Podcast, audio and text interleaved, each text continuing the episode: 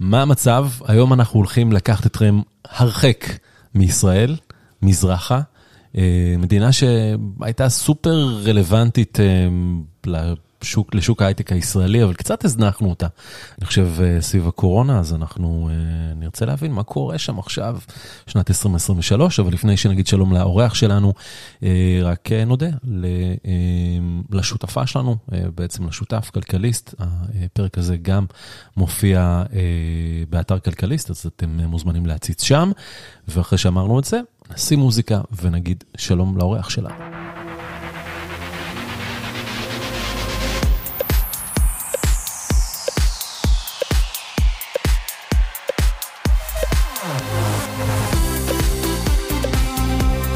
שלום לאמיר גל אור. שלום וברכה. מה המצב? אחלה, בדיוק אה, נחתתי מסין, אז... אה, נחתת מסין. מעודכן לחלוטין. סין כן. זה לא מקום קטן, מאיפה בסין? האמת היא שבאתי מחתונה בצפון סין, חתונה מאוד ייחודית. כן. על הגבול הצפוני עם מונגוליה. וואו. אה, שם, משם הגעתי. איך הגעת, ל...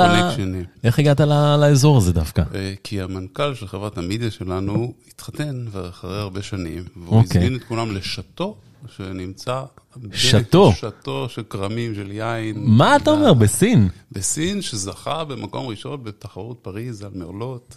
מה אתה אומר? מקום מדהים, מקום מדהים. אוקיי. תופעה, תופעה. רגע, וחתונות סיניות, יש לי אה, חבר, לי יש פינה חמה בלב לתרבות הסינית, ולמדתי גם לימודי מזרח אסיה ו- וסינית, שני האתרים הראשונים שלי. אה, ויש לי חבר שגר בסין שנים, הוא היום בענף המלונאות, והוא התחתן עם אה, בחורה סינית, אוקיי? המכונה מאמי.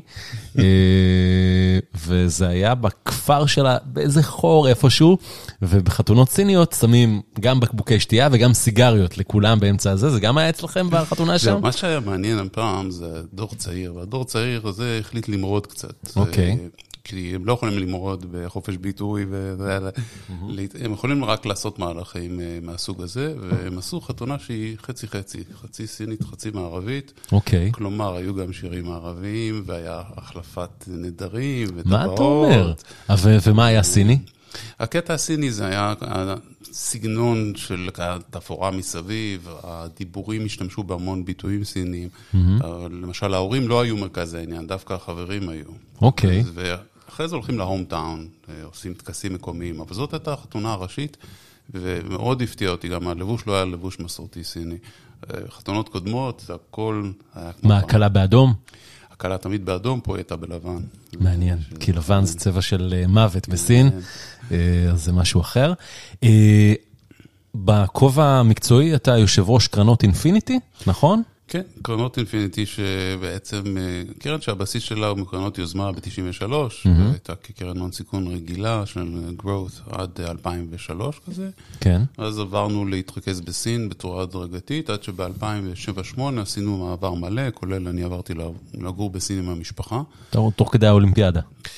כן, דרך אגב, האולימפיאדה הייתה חוויה אה, מכוננת. אני יודע, אני הייתי שם כשליח ערוץ 10, בזכות הידע שלי, אה, בסינית הישרדותית, לא, לא נשאר הרבה, אז אני הייתי השליח של ערוץ 10 שם. וואי, זה היה לפני המון שנים. אה, אז היינו ביחד שם. כן. כי אני באמת הייתי שם גם, גם עם כל המשפחה, וגם כדי לחוות את החוויה, ולמעשה זו הייתה חוויה אה, ששינתה את ההתנהלות של סין, גם בגלל המשבר הפיננסי של 2008, וההצלחה של סין באולימפיאדה. היא הייתה מהותית, והיא העלתה את הביטחון העצמי, וחלק ממה שאנחנו רואים היום, הוא, הזרעים שלו התחילו באזור הזה של 2008. אוקיי, okay. ולמה הימרתם על סין? למה הלכתם לשוק הסיני? תראה, אנחנו הלכנו לשוק הסיני מתוך ראייה שחברות הפורטפוליו שלנו צריכות אה, ערך מוסף, אה, לא הסטנדרטי שהוא נקרא ארה"ב-אירופה, mm-hmm. אלא משהו מהמזרח, והייתה לנו אפשרות לעשות את זה. במקרה שלי, בגלל שאח שלי כבר גר שם ועסק בעולם הזה של אורבטק קאמטק, mm-hmm. וצברנו ידע ראשוני וקיבלנו אינדיקציה על שינוי מדיניות בסין. Okay. אוקיי. שינוי מדיניות של עולם החדשנות, בעצם רוצים לעבור מ-Made in China ל-Invented in China. Mm-hmm. והתחיל מין סוג של ראלי מ-2004-2003 עד, הייתי אומר, 2019, שאני קורא לו עידן ה-innovation של סין, שכל מה שקשור ל-innovation קיבל פריוריטי מספר אחד, כל, לסגור את כל הפערים, ללמוד, להתיישר בחזית ולא רק לייצר ולהיות מין סוג של, נקרא לזה שותף כלכלי. לא, הוא לא המפעל של העולם, אלא ממש מרכז ה-R&D של העולם. מרכז ה-R&D, ומתוך כוונה לסגור פערי השכלה, והובילו באמת בתקופה הזאת, שזה ה-Golden Age בתחום ה-Innovation עד הקורונה. תקופה מדהימה, שבה היה פיתוח אדיר וחברות ישראליות שפעלו נכון, גם קיבלו הרבה השקעות, גישה לשווקים. והכל מעולה עד התקופה האחרונה, שהיא תקופה שונה, שמבחינתי זה China 3.0, זו תקופה אחרת לגמרי. אז תכף נדבר על מה קרה ב-2019 ומה קורה היום, כי סין נפתחת מחדש, ואתה חזרת מהחתונה שם, אבל קצת על אינפיניטי היום, מה אתם עושים? אינפיניטי יש קרן בסין שעושה השקעות בחברות סיניות שנעזרות ב, נקרא לזה ידע ישראלי או טכנולוגיה ישראלית או אינספיריישן ישראלי, זה לא חייב להיות משהו באופן מלא. מבצעים סדר גודל של 15-20 השקעות בשנה. כן. יש לנו קרן קטנה בישראל בתחום ה-Digital Health, גם נסחרת בבורסה, ואנחנו מבצעים גם, לצורך העניין, פלטפורמות של Business Development לישראל-סין, גם בגלל התפקיד של לשכת המסחר וגם בגלל החממות השונות שיש לנו, אנחנו משתדלים לעזור לחברות, ואז עושים גם אירועים גדולים. גם עם כלכליסט עשינו אירועים של עשרת אלפים איש בסין. וואה. אז בעצם הקרן שיושבת בסין משקיעה בחברות סיניות, אבל מה הקשר לישראל? הקשר לישראל הוא הערך המוסף הישראלי בכל השקעה, שצריך להתווסף בצורה כלשהי. מה זאת אומרת? תראה, זה יכול להיות גם, לצורך העניין, JV, זה יכול להיות גם... JV זה joint venture? כן. זה יכול להיות ברמה של licensing של טכנולוגיה. זה יכול להיות ברמה של הכשרה בישראל, לקבל input מזווית אחרת, וזה יכול להיות לפעמים באנשים, exchange של talent. כשהקשר נוצר איך? דרככם אתם כן, כן, עושים scouting בישראל, מחפשים טכנולוגיות, מחקרים, דברים מהסוג הזה, וחושבים איך אפשר להביא את זה לסין? כן, וגם יש לנו איזה בנק פטנטים כזה, שאתה יכול לראות איזה פטנטים רלוונטיים, ותוכנת matching כזאת של Machine Learning, שמחפשת מה יכול להיות רלוונטי. אבל בגדול זה גם תמיד בשיטה הטרדישיונל של משלחות שבאות, כנסים גדולים, ואז מייצרים מפגשים. תראה, עד 2019, היה פה מבול של משלח... זה היה תיירות אינוביישן סינית. ספארי. כאן במשרדים שאנחנו נמצאים. כל שבוע היו איזה שלוש משלחות סיניות. התחושה הייתה שהם קצת מבלבלים לנו את המוח, כלומר, הם, הם באמת תיירות ולא ממש באים לעשות, נכון. לעשות השקעות או, או, או לעשות עסקים. מה, כמה, כמה מתוך זה אמיתי וכמה מתוך זה היה ככה... תראה, בסוף זו סטטיסטיקה. כן. אחת ל... זה באמת אמיתי לחלוטין, אבל בדרך מנשק הרבה צפרדעים עד שאתה מוצא נסיך. Mm-hmm. מי שלא מכיר את התרבות ומה לשאול, יכול בקלות לפגוש רק צפרדעים. Mm-hmm. צריך לדעת לסנן נכון, לשאול את השאלות הנכונות, להבין מי מגיע, מה הרקע, מה האג'נדה, לעשות פולו-אפ נכון, כי גם כאן נופלים הרבה בכל הקטע של תקשורת, כי אם יש שקט מהצד הסיני זה כאילו חוסר עניין, mm-hmm. וזה לא מדויק, זה הרבה יותר מורכב מזה. ולכן מי שרוצה לעבוד עם סינים צריך להבין שהסטטיסטיקה של ההצלחה היא לא כמו בארצות הברית, כי התקשורת היא לא ברורה. כן. טוב, יש פער שפה מאוד גדול, יש פער תרבות מאוד גדול, פער שעות, לא משנה, יש הרבה הרבה הרבה פערים.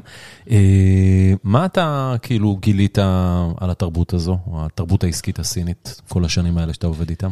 כן, אני חושב שקודם כל זה, באר שאפשר לשתות ממנה כל הזמן בקונטקסט של למידה. Mm-hmm. אתה כל כך מורכב הסיפור הסיני, שהוא מלא קונפליקטים. ולמעשה כל אחד יכול למצוא שם מה שהוא רוצה, את הצד החיובי, את הצד השלילי. אתה יכול להסתכל על זה כמקום שמעתיק אותך ולוקח ממך, ואתה יכול להסתכל על זה כשוק מאוד גדול, אתה יכול להסתכל על זה כמקור השקעות, כאינספיריישן. אז מה שאני למדתי עם השנים זה, אל תבוא עם הנחות מקדימות. תסתכל על הדברים פייס ואלו ותדע לשאול את השאלות הנכונות. תיקח את ההחלטה שלך. לרוב החברות סין לא מתאימה. כן? אין, פשוט לא, לא מתאים. למה? מפני שבמיוחד בתקופה האחרונה אתה צריך די לבחור, לא רק מבחינת management attention, אלא יש תעשיות שלמות שאם אתה מתפצל אתה יכול לפגוע בשוק המערבי, mm-hmm. ויש סוגיה של היכולת שלך להתמודד עם המורכבות, בטח חברת סטארט-אפ שגם ככה היא נמצאת ב stretch אדיר. גם יש תעשיות שכדאי, ותעשיות שפחות כדאי. אז מה כדאי? תראה, בתקופה האחרונה, וזה קשור ל-3.0 הזה, נושא עולם הרכב שאתה חלק ממנו, זה סוגיית ה-EV ועולם המוביליטי בקונטקסט הרחב שלו, mm-hmm. אין ספק שזה ימשיך, כי הוא מקבל סובסידיות גדולות, תמיכה ממשלתית מהותית. זה חלק מהאתוס למה שהגאווה הלאומית עוברת לשם. כן, רק צריך להבין, כבר כמה וכמה שנים, אני חושב שמעל עשור סיני היא יצרנית הרכב הכי גדולה בעולם, ושוק הרכב הכי גדול בעולם, והיום בכל מה שקורה ב-EV, רואים המון המון מכוניות כאלה, גם כאן, בכבישים בישראל, BYD וכולי. כן, וזה ילך וימשיך, אתה יודע, גם ניאו עכשיו. כן, ג'ילי. כן, אני, לי יש ג'ילי גם. אה, באמת? אוקיי. אני משחק עם הרכבים הסינים קצת. תראה, התחומים הם גם נוגעים בתחומים הקלאסיים הישנים, רק בטוויסטים. זאת אומרת, עדיין אפשר בכל מה שקשור ל-high-end manufacturing לפעול בסין בצורה טובה, ה-clean tech או environment related. חקלאות היא תמיד מורכבת, כי יש שם בעיה מנטלית. הקטע של חקלאות הוא בעל עניין מאוד גדול, במיוחד באגרוטק, פודטק, האזור הזה, שיש בו אינדיקציות לא רעות. מה שצריך להיזהר ממנו יותר זה כל מה שקשור לדואל יוז, שיכול להתפרש באחד הצדדים. כלומר, טכנולוגיות שיכולות לזלוג לטכנולוגיות ביטחוניות צבאיות? כן, וגם, אתה יודע, כל עולם התוכנה למעשה, עולם הסופטוור הקלאסי, אם הוא לא מכוון, ממוקד כמו תעשייה ספציפית או רובוטיקה או משהו מוגדר, אז הוא יותר קשוח מבחינת ה... אז, אז, אתה, אז אתה שם מ-2007-2008 וגרת שם הרבה מאוד זמן, ופתאום מגיעה שנת 2019, ומגיע איזה וירוס מעיר בשם ווהאן, ומה קורה איתך? מה קורה עם אינפיניטי פתאום? אז תראה, למעשה אנחנו גרנו, גרנו בבייג'ינג בתקופה הזאת. מי זה גרנו, אתה והמשפחה? אני והמשפחה, ארבעה ילדים. וואה. והבן הגדול שלי הוא גם סלבריטי בסין. מה זאת אומרת? אפשר ללכת איתו ברחוב. אנחנו פתחנו חברת מידיה איתו, שהוא בסוף העניין ה face של העניין, כאשר הכוונה הייתה לייצר תכנים. שבונים ברידג' תרבותי בין סין ומערב. אוקיי. Okay. זה אומר שבגלל שהוא דובר סינית נלה, בוגר בייג'ין university, בידה, בידה. אז uh, הוא יכל לדבר בסינית שוטפת, והוא פרזנטור, אז יצרנו הרבה סרטים ותכנים. מה, בטיק-טוק, ביוטיוב? היום זה, זה רץ יותר בעולם של דואין, שזה טיק-טוק הסיני, ובילי בילי, שזה חברה... במה? בילי בילי. מה זה בילי בילי? בילי בילי חברה נסחרת גדולה מאוד יחסית, אמנם לא בתקופה הכי טובה שלה נסחרת בנסדק, היא... מה? בהשראה של דמויות יפניות. אוקיי.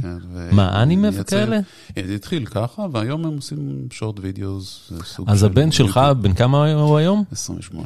הוא בן 28, והוא חי איתך שם כל השנים, פחות או יותר? הוא חי כל השנים, כן. בחברה שלו, שזה לא רק הוא, יש עוד כמה talents, אז יש בערך 120 מיליון followers, כל סרט הולך ל... קהל זה בין מיליונים רבים לעשרות מיליונים, לפעמים מאות מיליונים. והוא סלב שם בסין? כן, כן. הוא, הוא זה, דרך אגב, בחתונה, הוא זה היה הרבי של החתונה. הוא הרבי של החתונה. הוא היה הרבי של החתונה. גדול. כן, כן. עכשיו, גלאור זה לא שם שלסינים קל לבטא, נכון? אז מה, איך, איך הוא קורא לעצמו בסינית? אה, זהו גאו יסה. גאו יסה. ואני גאו ג'מין. גאו ג'מין. טוב, שהמשמעות? גאו זה גבוה? כן, יפה. כן? כן, כן, זה גבוה, פילוסופי ואור, שזה בעצם השראה מהשם עצמו. אוקיי. יפה. אז 2019, הבן שלך כוכב רשת, ומה קורה פתאום? אנחנו באים לביקור בארץ, זה היה צ'ניז ניו ייר, ונלכדנו בארץ כביכול, וניסינו לנתח את הסיטואציה. בשלב הראשון עזרנו מאוד לצד הסיני. Mm-hmm. בקטע של ציוד רפואי ואינפורמציות ונושא של הדרכת רופאים, פתחנו פלטפורמות. רגע, אבל סין נסגרת בבת אחת. היא נסגרה בבת אחת. כשאתם פה בישראל. אנחנו בישראל, באותה תקופה הם היו צריכים מסכות, mm-hmm. היו צריכים חליפות, היו צריכים הדרכה לבתי החולים, פלטפורמות, עידוד, קונטנט, mm-hmm. פשוט יצרנו קונטנט, תרמנו כסף, תרמנו ציוד. ובנינו איזשהו גשר שיצר באמת המון סימפתיה כלפינו בתקופה ההיא, רק שזה הסתבך מהסיבה הפשוטה שהכל עבר אלינו ואנחנו היינו צריכים להתחיל להביא מסין לפה mm-hmm. מכונות הנשמה, והייתה דרמה לא קטנה. כן. מה הזה... קורה לעסקים שלך? אז ככה, העסקים הם, בגלל שזה משחק ארוך טווח, אנחנו לא עוסקים במסחר טהור, אז הם לא נפגעו, אבל mm-hmm. מה שנפגע, ואתה מרגיש את זה מאוד, זה החומות שנבנו. כן. החומות הן קודם כל שלוש שנים של נתק, אף על פי שהבנים שלי חזרו, ואחד מהם גם נאלץ להיות 48 יום בתוך איזשהו תא של צינוק כזה. מה? כן, הוא חטף קורונה בטיסה. ו...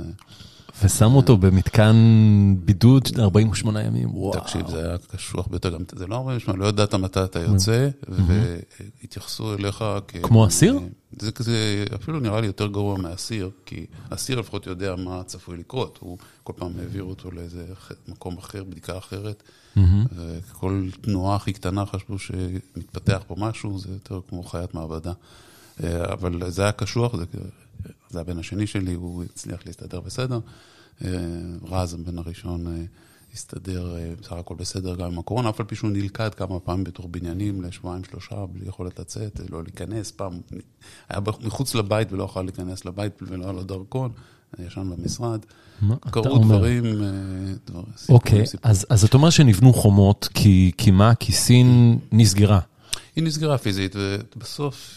גם ככה יש פערים גדולים, גם אתה לא נפגש ולא מתקשר. ולסינים יש מצד אחד את הקטע של הרגשה שהם העם הכי חכם בעולם. Mm-hmm. נכון שאומרים את זה עלינו, אבל הם כן. חושבים את זה על עצמם. Mm-hmm. מצד אחד תמיד יש איזו רגישות או רגש נחיתות כזה נכון. מול המערב, ואז הדואליות הזאת היא שיחקה מאוד חזק בקורונה. כי מצד אחד כביכול האשימו אותם במקור, מצד שני הם טענו שהם ידעו להתמודד עם זה הכי טוב. אופי האומיקרון, הם התמודדו הכי רע. זה מין רולר קוסטר כזה, עם אה, לחץ נפשי מאוד קשה, כי החוסר ודאות שם, אה, אתה יודע, בשנגחאי זה היה יותר גרוע מאשר עם אה, עמית הבן שלי, זה היה, היו סגורים 70 יום, נכון. בלי יכול לדעת מה הולך לקרות, בלי גישה לבית חולים, זה לא שהיית בבית חולים. ולכן נוצרו חומות. והתקשורת היא שונה, ומה שהשתנה גם באותו זמן זה השינוי, תקרא לו המשטרי, שקרה בסין בתקופה הזאת. ש, שלא הרבה יודעים, שזה אה, אותו נשיא כבר הרבה זמן, שי, ועדיין מה קרה? איזה, איזה שינוי משטרי קרה שם? תראה, קודם כל, אה, אנחנו גם נחשבים אה, כזה תושבי הונג קונג. Mm-hmm. בהונג קונג בעצם שינו את החוק, חוק הביטחון. זה עוד קרה לפני הקורונה. כן, זה קרה לפני הקורונה, אבל ההשפעה של זה הייתה לתוך הקורונה, כי מיד ברגע שעשו אימפלימנטציה בסוף 2019, זה נכנס לתוך הקורונה ברמה האימפלימנטיבית. ובסין עצמה שינו את החוק שם, הגביל שתי קדנציות, mm-hmm. ובעצם הסירו אותה, זאת אומרת שיכול להיות נשיא לכל החיים. כלומר, עד אז, בגלל הטראומה שיש להם uh, ממהפכת התרבות של מאו דונג, הגבילו את הנשיא הסיני מ... אה, אה, לכהן בתפקיד מעבר לשתי קדנציות, ושי, שהוא איש מאוד מאוד חזק, בעצם שבר את זה, שינה. הוא שינה את החוק, הוא שינה עוד חוקים נוספים שמאפשר לו סמכויות על הצבא, או אתה יודע, מין אה, יכולת שלו לקבל החלטה באופן ישיר בלי לעבור את כל המנגנונים בכל דבר. וכמובן שהוא יישאר נשיא ככל שהוא ירצה, והוא גם בחר את האנשים שלו ממש בשנה האחרונה. הוא אז, בחר את כל מי שהוא רוצה. אז מה ההשפעה? תראה, ההשפעה היא שיש פחות יכול חופש פעולה פוליטי. אתה כן. בעצם לא יכול, אין לך... סין במידה רבה התנהלה לאורך השנים כרב מפלגתית בתוך מפלגה אחת. היו כן. ליינים שונים, mm-hmm. יכלת להשתייך לקבוצות.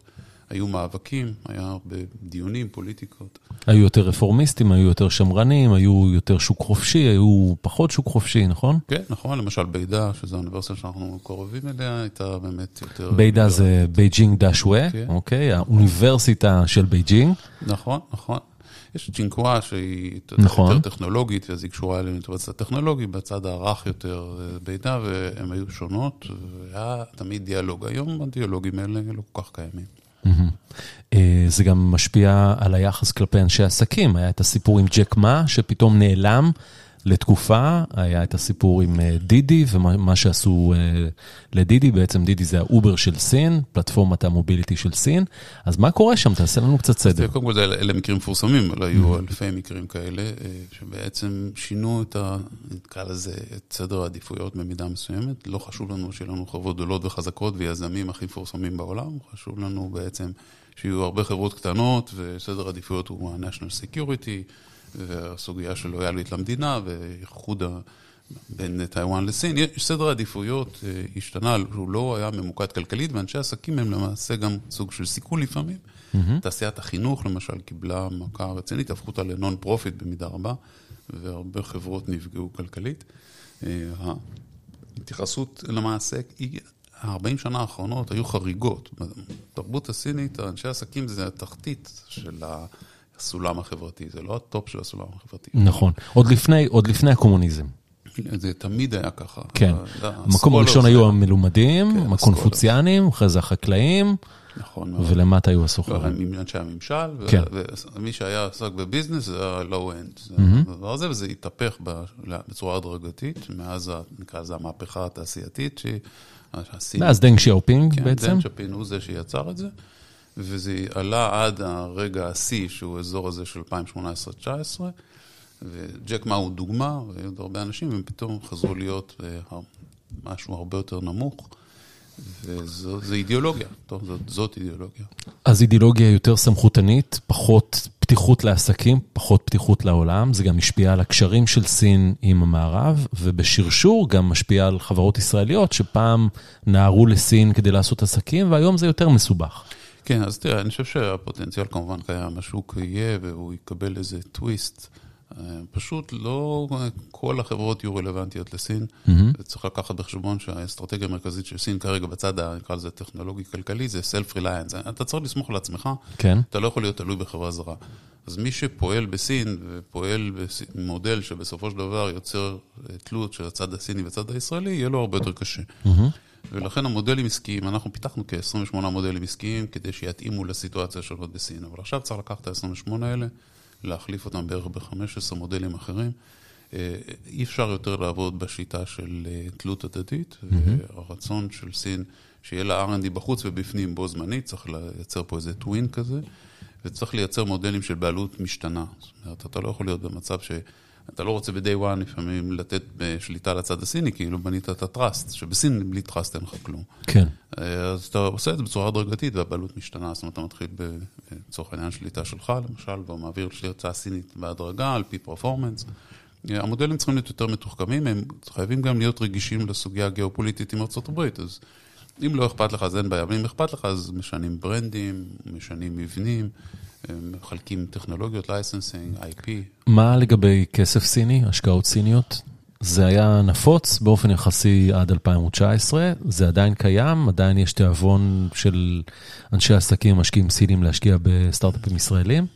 יש תמיד תיאבון סיני, גם מפני שרוצים להוציא כסף החוצה, לעשות mm-hmm. לקבל גישה, לייצר יתרון יחסי מול סיני אחר. זה בדרך כלל תחרות עם סינים בינם לבין עצמם. אתה יכול להיות אותו כמו במשחק גיימינג, זה החרב שיכולה להיות ה-decisive נכון. hit. ולכן אה, העניין הוא מאוד גדול. השאלה כרגע עומדת על הפרק, אה, האם הרגולציה מאפשרת את זה. מה זאת אומרת? כי צריך לקבל אישור על כל הוצאת כסף מסין, אלא אם כן היה כסף מראש בחוץ, אבל גם על זה יש מגבלות. ו... מה שלא היה קיים עד 2019. לא, שינו מאוד אה, באזור 2019, כי יצאו, איזה טריליון דולר יצא בלי הכרה בכלל. זה רק בשביל לעשות ה hedging הזה. ודבר שני, זה המצב הכלכלי בסין הוא לא אותו דבר. מפני שברגע שינית את סדר העדיפויות וההוצאות של הקורונה היו מאוד גדולות, יש הרבה פחות cash. והרבה יותר קשה אה, גם להשיג את הכסף הנדרש, וגם לא ברור מה ה policy עד הסוף. האם ה policy הוא... כי אם אתה רוצה הכל בפנים, אז מה אתה עושה בדיוק בחוץ? יש איזה חוסר בהירות. אני חושב שזה עניין של זמן שזה יתייצב במקום יותר גבוה ממה שהוא עכשיו, אבל בוודאי שזה לא יחזור למה שהיה נניח ב-2015 עד 2019. כל עוד שי ג'ינפינג הוא הנשיא, וכל עוד אה, המשטר נוקט במדיניות כזאת שעסקים זה לא הדבר הכי חשוב, אה, נכון? כן, תראה, הם יגידו לך כמובן שזה כן הכי חשוב, אבל הבעיה היא שבשיטה הזאת זה הכל top down, וב top down, innovation ו business מקבלים איזה עיוות מסוים, והחוסר יעילות. אנחנו רגילים ל bottom up. ואנחנו רגילים גם לקצב שינויים מהיר. קצב שינויים מאוד מהיר, למשל כמו ה-Generative AI, שנכנס עכשיו לתמונה, הוא משבש את התוכניות החומש הרב-שנתיות, והוא משנה את ה top down, לא מסוגלים לקבל החלטות בקצב, זה לא self-healing כזה. כן.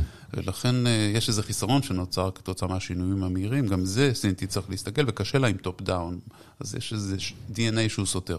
אבל כל סין זה, אתה יודע, סתירות פנימיות, כי כן. יש לך את הכל מכל כיוון. Mm-hmm. השאלה היא איך אתה בוחר להסתכל. אני חושב שצריך לבחור את התעשיות הנכונות, את המודלים העסקיים הנכונים, ואפשר uh, לעשות דברים מופלאים. אז, אז קודם אמרת שתעשיות ספציפיות עדיין מאוד מאוד רלוונטיות להיכנס לשוק הסיני, אוקיי? חקלאות, אה, בריאות דיגיטלית, רובוטיקה, דברים כאלה. כן, גם, גם בכלל, כל נושא של הלסקיר יש לו פוטנציאל, הוא פשוט, הרגולציה היא משתנה. אה, ואיזה סוג של, אה, כלומר, לאיזה סוג של יזם ישראלי היית ממליץ בכל זאת להסתכל על, אה, על סין? כן, אני קודם כל חושב שצריך יזם שיש לו ביטחון עצמי גבוה. כי אתה תמיד חושש, אתה חושש על ה-IP, אתה חושש על טראסט, על בעיות תקשורת. אז אתה חייב להיות בטוח בטכנולוגיה שלך, בעצמך, ביכולת שלך להתמודד עם משברים, כי סין זה יבוא עם משברים. זה דבר ראשון. דבר שני, צריך אנשים שיש להם איזושהי סימפתיה לפחות בסיסית, אבל לאו דווקא יזמים. הבעיה היא שההחלטות שאתה עושה מול סין, בדרך כלל חוצות בעלי מניות, בורד, הנהלה, הנהלת משנה ונציגים מקומיים. כולם צריכים להיות אליי. והמפלגה. תמיד יש מישהו מהמפלגה. אם אתה הולך למשהו, לא, המפלגה בשלב שאתה עובד לא תהיה רלוונטית. מה שרלוונטי זה המדיניות שלה, חוקי המשחק. אתה צריך להבין את חוקי המשחק ולראות אם יש כסף ממשלתי. כי בסין בסוף, בגלל שהמחיר הוא נושא מאוד, מאוד רגיש, נושא המחיר, רוב החברות, רוב מוחלט כמעט, הן מייצרות תכלס בהפסד. ומי שמצליח להחזיק מעל המים, כי התחרות בסין היא אדירה, אלה שמקבלים את התמיכה הממשלתית. התמיכה כן. הממשלתית מעבירה אותך מהפסד לרווח. זה מראה לך מה המשמעות של control אמיתי, כי הוא בעצם שם את ה business בצורה טבעית, ללא עזרה. יש לך גם עניין של licensing, אז יכולים למשוך את ה license. כן. אתה, אתה תכלס, אולי חברה פרטית, אבל אתה נתון לכוחות אדירים בכל מה שאתה עושה. ולכן צריך אה, שכולם יהיו aligned. יזם ישראלי שמסוגל לשכנע את בעלי המניות, את הבורדים, לעשות מהלכים בסין שהם לא רק, יאללה, בוא ננסה למכור על הדרך, כי mm-hmm. זה הרבה יותר קשה. כן. ולעשות מהלכים שהם מובנים, זה כמו פיתוח משותף, יש קרנות דו-ממשלתיות בתחום מסוים, או להקים כן צוות פיתוח שיפתח מוצר localized לשוק הסיני, או, או להכניס בעלי מניות סינים במבנה שגם שם אפשר לנטרל סיכונים בכל מיני צורות. אז אתה צריך גם יצירתיות מסוימת, כי סין צריך גם יצירתיות, צריך להיות aligned בבעלי המניות, וצריך ביטחון עצמי, ושוק רלוונטי, שוק רלוונטי בקונטקסט של policy, ומי מעביר אותך מההפסד לרווח. כן. אה, יש דיבורים עכשיו על ביקור של ראש הממשלה נתניהו בסין, אה, וגם על הסכם סחר חופשי.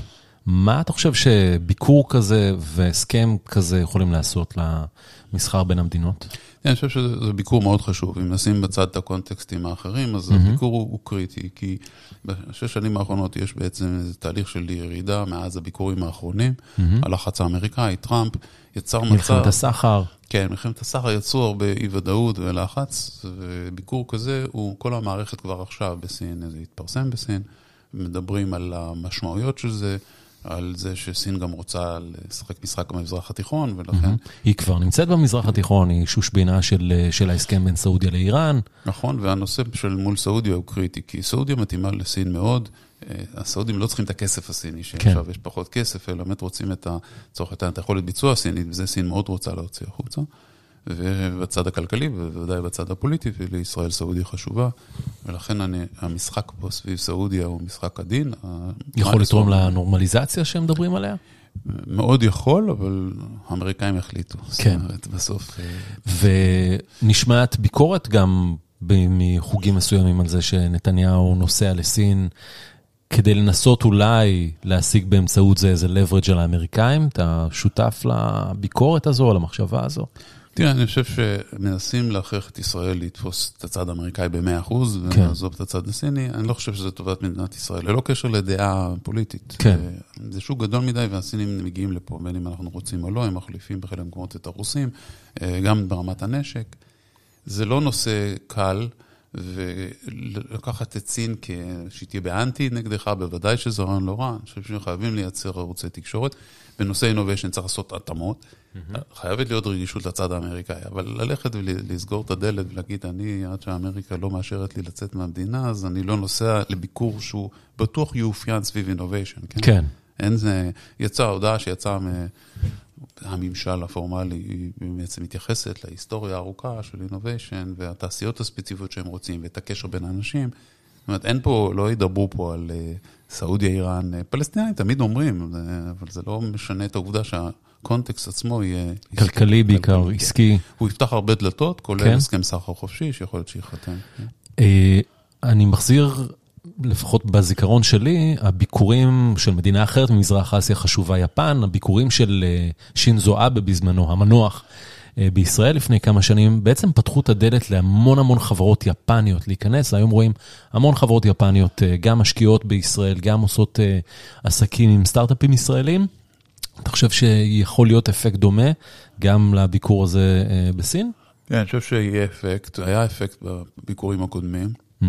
אני חושב שהסוגיה היפנית היא מעניינת בפני עצמה, כי מי שיכול לפעול ביפן, בזוויות מסוימות זה עוזר לו גם לפעול בסין, לפעמים אפילו דרך יפן לסין. הקשר הוא מאוד מורכב שם בין סין ליפן, כן. בגלל היסטוריה, אבל מבחינה פרקטית קשה מאוד לדעת לאיפה דברים ילכו. אני כן חושב שזו הזדמנות מצוינת, הביקור, לפתוח דלתות לחברות סיניות גם לבוא לארץ. Mm-hmm. יש הרבה חברות שיש להן בארץ מרכזי פיתוח, הרבה מתחת לרדאר. כן. מדהים, אוקיי.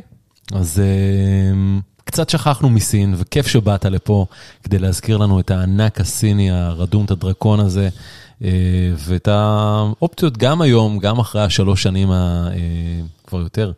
ההזויות האלה, איך לעשות עסקים עם סין ומה טומן עתיד. אז אמיר גלאור, המון המון תודה. בכיף, ואני בטוח שאפשר ללמוד מהם גם, גם אם אתה לא עושה איתם עסקים, כי הם יודעים לעשות כמה דברים שאנחנו לא יודעים לעשות. וצריך לזכור את זה, אנחנו לא יותר טובים או פחות טובים, אנחנו פשוט שונים מהם, ויש מה ללמוד. חד משמעית. ועד כאן, 30 דקות או פחות, אנחנו זמינים בספוטיפיי, בכלכליסט, בכל מקום שאתם מאזינים בו לפודקאסטים. אם אתם כבר מאזינים ובא לכם לפרגן, אז תפרגנו באיזה comment, או תעשו subscribe, או, או ככה תפרגנו בחמישה כוכבים. אנחנו נהיה כאן עם עוד פרק גם בשבוע הבא. עד כאן, ביי ביי.